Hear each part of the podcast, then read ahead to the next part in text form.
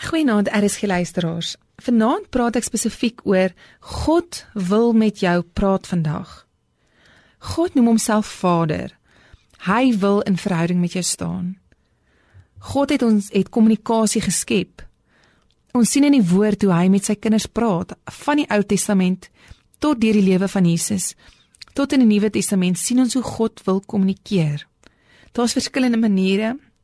Hy kan deur 'n hoorbare stem praat wat ons in die Bybel sien, deur engele, drome, visioene, deur die Bybel en maar die die manier wat ons sien, die meeste sien in die Nuwe Testament is deur die innerlike getuienis van die Heilige Gees, is deur die stem van die Heilige Gees.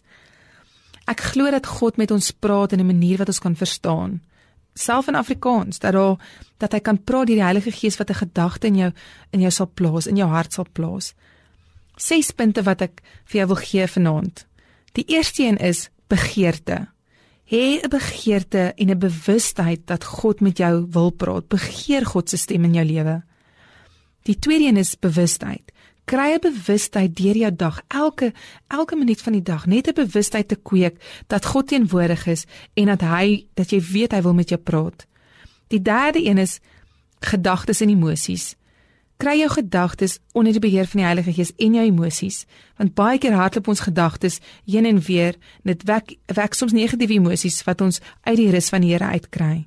Nommer 4 is leer 'n sensitiwiteit aan vir God se stem. Leer om sensitief te wees. 5. Luister na jou gewete. God praat deur jou gewete ook. As jy lanklaas jou gewete gehoor het, vra die Heilige Gees om dit terug te bring. En die 6ste ding is skryf neer. As God met jou praat, maak 'n skryf, maak vinnige note op jou foon, kry 'n klein boekie wat jy by jou dra, maar skryf neer. Niemand gaan daai boekie sien nie.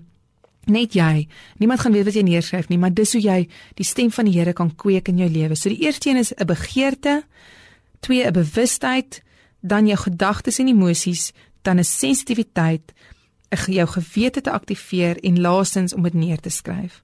Vader, ek bid vir elke persoon wat na hierdie boodskap luister, dat hulle sal weet U wil met hulle praat en dat U self op hierdie oomblik U stem vir hulle sal bekend maak. Dat deur hulle soos hulle deur hulle week sal gaan, dat hulle 'n bewustheid sal sal hê in hulle binneste dat U met hulle wil praat, dat U 'n verhoudingsgod het.